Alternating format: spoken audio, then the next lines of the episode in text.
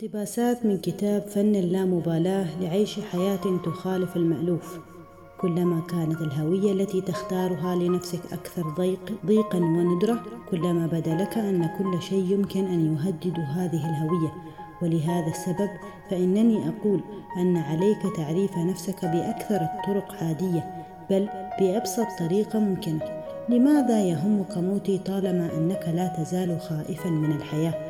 لولا وجود الموت لبدا لنا كل شيء معدوم الأهمية ولصارت القيم والمقاييس كلها صفرا. الرغبة في التجارب الإيجابية تجربة سلبية وقبول التجارب السلبية تجربة إيجابية.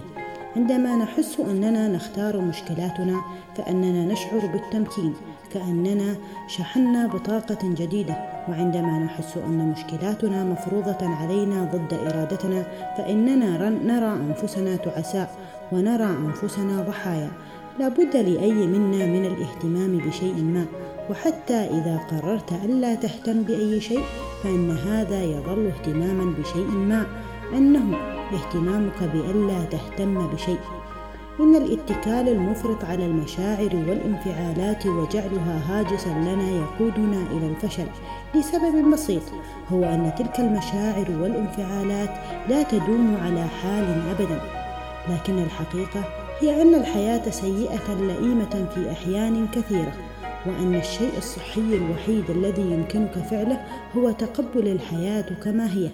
لسنا قادرين دائما على التحكم بما يحدث لنا ولا التحكم بما يصيبنا لكننا قادرون دائما على التحكم بكيفية تفسيرنا لما يحدث لنا إضافة إلى تمكننا بكيفية استجابتنا له. العبقرية ليست كامنة في التغلب, التغلب على عقبات مستحيلة ولا في تطوير النفس إنما في أن تكون صادقا مع نفسك كل الصدق.